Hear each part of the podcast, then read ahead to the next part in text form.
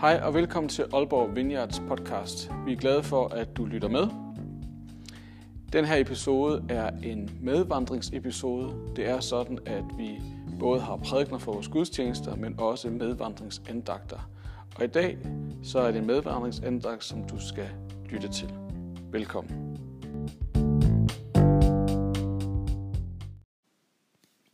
Goddag og medvelkommen. Med, velkommen til medvandring. Jeg håber, du har det godt. Vi startede jo sidste uge sådan en ny lille rytme, hvor at vi følger Moravians, altså brødremenigheden, hvor vi læser øh, igennem Lukas evangeliet, og øh, det synes jeg grunden fungerede meget fint, og det fortsætter vi så med i den her uge. Men det, som jeg jo så har opdaget her til morgen, da jeg lige skulle hurtigt forberede mig, det er jo, at hvis man holder pause i weekenden, så øh, misser man jo ting, som måske er vigtige for historien.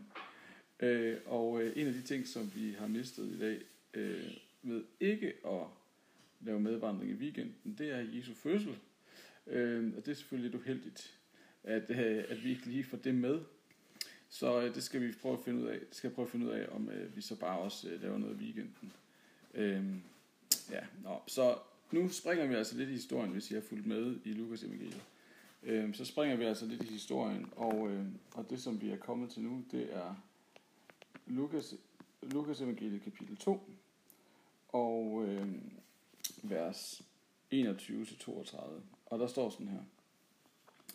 Da drengen, altså Jesus, en uge senere skulle omskæres, fik han navnet Jesus. Det var det navn, englen havde givet ham, før han blev undfanget i sin mors liv. Ifølge Toraen skal en kvinde, som er født, gennemgå en renselsesceremoni, og der skal bringes et offer i templet. En videre står der skrevet, at hver førstefødt søn skal tilhøre Gud. Josef og Maria gik derfor op til templet i Jerusalem, da tiden var inde, for at bringe det foreskrevne renselsesoffer. Det vil sige et par turtelduer eller blot to unge duer. Samtidig tog de barnet med for at indvige, dem, indvige ham til at tjene Gud. Jesus, I Jerusalem boede der en mand ved navn Simeon. Han var en mand, der omhyggeligt fulgte Guds lov og længselsfuldt ventede på Israels Messias. Han var fyldt med Helligåndens kraft, og ånden havde åbenbaret for ham, at han ikke skulle dø, før han havde set den frelser, som Gud havde lovet at sende. Netop den dag, da Josef og Maria kom for at indvige barnet, Jesus, øhm, som Toren foreskrev, havde Helligånden givet Simon den indskydelse, at han skulle gå op i templet. Og der mødte han den så. Han tog straks den lille i sine arme og begyndte at lovprise Gud på følgende måde. Herre, endelig kan jeg som din tjener gå bort i fred, som du har lovet mig, for nu har jeg set ham, som skal være alle folkeslags frelser. Ham, som er det lys, der bringer ny indsigt til mennesker og ærer dit folk, Israel. Ja, men altså, det er jo en øh, fantastisk tekst, og øh, der er jo mange ting, som vi kan sige om den, men jeg skal lige holde mig til to refleksioner, fordi at, øh, der er også en dejlig sommerdag foran os. Øh, for det første så er det her med Simeon. Han er fyldt med heligåndens kraft, og ånden leder ham. Det synes jeg er helt vildt sådan inspirerende, at, øh, at ånden har talt til ham lige præcis på den dag, så øh, får han den indskydelse fra ånden, at han skal gå op i templet. Og jeg tænker, at lige præcis der, så er der noget, som øh, vi alle sammen kan blive inspireret af. Der er noget her, som vi alle sammen måske kan lære, hvis vi gerne vil leve med Gud. Hvordan er det så, vi kan leve med åndens ledelse? Hvordan er det, vi kan være ligesom Simon, der bare bliver ledt af ånden, og, øh, og følge, hvad ånden fortæller ham? At øh, det kræver jo øvelse, det kræver tid, det kræver disciplin, det der med at lære at høre Guds stemme. Men jeg tror faktisk, at øh, det, er, det er noget, der, der er nødvendigt for os, at øh, hvis vi gerne vil leve tættere på Gud, at vi så også begynder at høre mere af Guds stemme. Og det er selvfølgelig et helt vildt vanskeligt spørgsmål, hvor den hører med Guds stemme, og hvad er Guds stemme, og alle de der ting der. Men der er noget i det at lytte til åndens inspiration, som er enormt vigtigt, som vi skal lære. Og, øh, og som en af mine gode veninder engang sagde, det er, hvis du er i tvivl om, hvorvidt det er Gud, der siger noget, så lad tvivlen komme det til gode, og så prøv at se, om det ikke er Gud, der siger det. Prøv det af, og så kan du på den måde lære, øh, om det faktisk er Gud, der siger det. Men det første, vi skal prøve at tage med for dagens tekst, det er, hvordan er det, at vi kan lade os lede af ånden? Hvordan ser det ud, og hvad betyder det? Så det er den ene ting. Og så den lovprisning, som Simon han så bryder ud i, det er jo, han siger, Herre, øh, eller han slutter med, for, for nu har jeg set ham, som skal være alle folkeslags frelser. Ham, som er det lys, der bringer ny indsigt til mennesker og ære til dit folk Israel.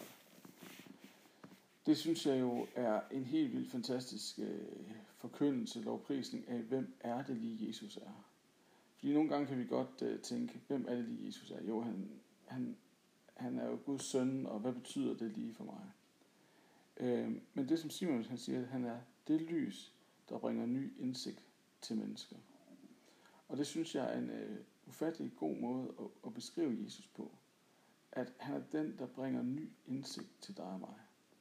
I forhold til, hvordan at vi skal leve vores liv, hvordan vi skal være i den her, til stede i den her verden, så er det som om, at Jesus, han, han viser en vej, vi kan gå. Han viser en, en anden måde at leve på. At han bringer ny indsigt til, hvordan vi skal behandle mennesker. Han bringer ny indsigt til, hvordan vi skal øh, leve vores eget liv, hvordan vi skal forholde os til omverdenen, hvilket, hvordan vi skal, vi skal tage vare på den opgave, som Gud har givet os, nemlig at være til velsignelse for andre mennesker. At det løfte, som Israels folk har fået, det er jo, og som Guds folk har fået, det er, at du skal være velsignet, så du kan være til velsignelse for andre.